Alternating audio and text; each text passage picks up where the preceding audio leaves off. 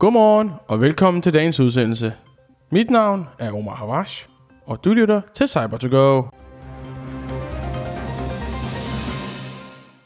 Club og Lockbit står bag de seneste angreb på Papercut Application Server. Det bekræfter en ny analyse fra Microsoft. Microsofts problemer med deres 365 tjenester er nu delvist løst. Brugere kan nemlig igen tilgå deres e-mails, og Exchange Online er oppe og køre igen. Googles opdatering til deres Authenticator-app har mødt kritik fra bekymrede brugere, da der ikke er end-to-end kryptering på deling af MFA-koder. Det har Google nu adresseret. Det er dagens tre nyheder, og efter dem får du som altid en hurtig vejrudsigt. Papercut Application Server har været ramt af ransomware-angreb, og nu viser det sig, at der er to grupper, der står bag, nemlig Club og Lockbit. Det bekræfter Microsoft. Sårbarhederne blev brugt til at stjæle virksomhedsdata fra servere, der bruger printerhåndteringsværktøjet.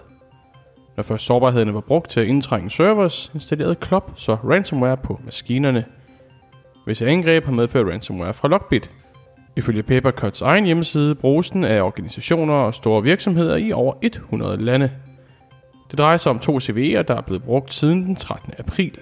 CV'erne kan findes i show notes for den her udsendelse. Som vi tidligere kunne berette her på Cyber2Go, har Microsofts online services været ude for problemer. Først var det søgefunktionaliteten i visse Microsoft 365 tjenester, og så var det Exchange Online for nordamerikanske brugere.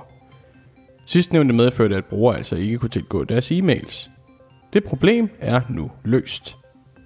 Men nu har de altså også fikset et andet problem.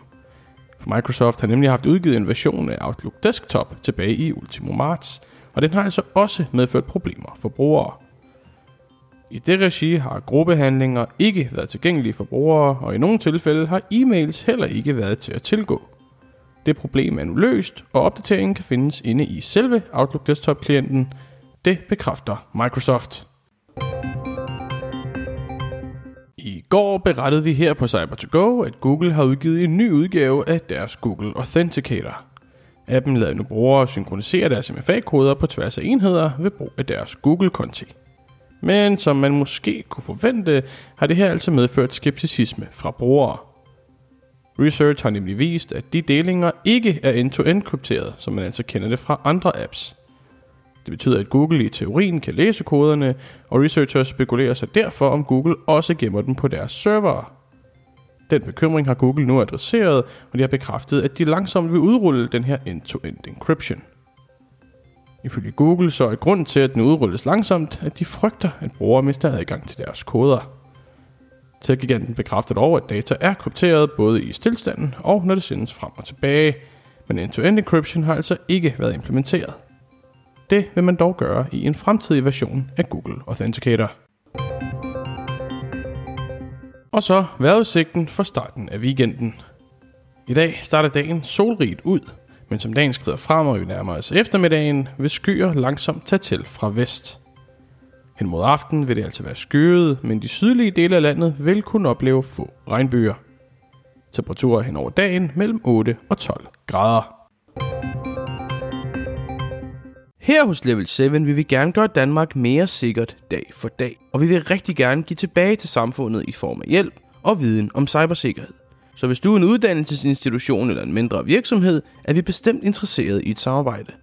Du kan læse mere om os og kontakte os på www.lvl7.dk.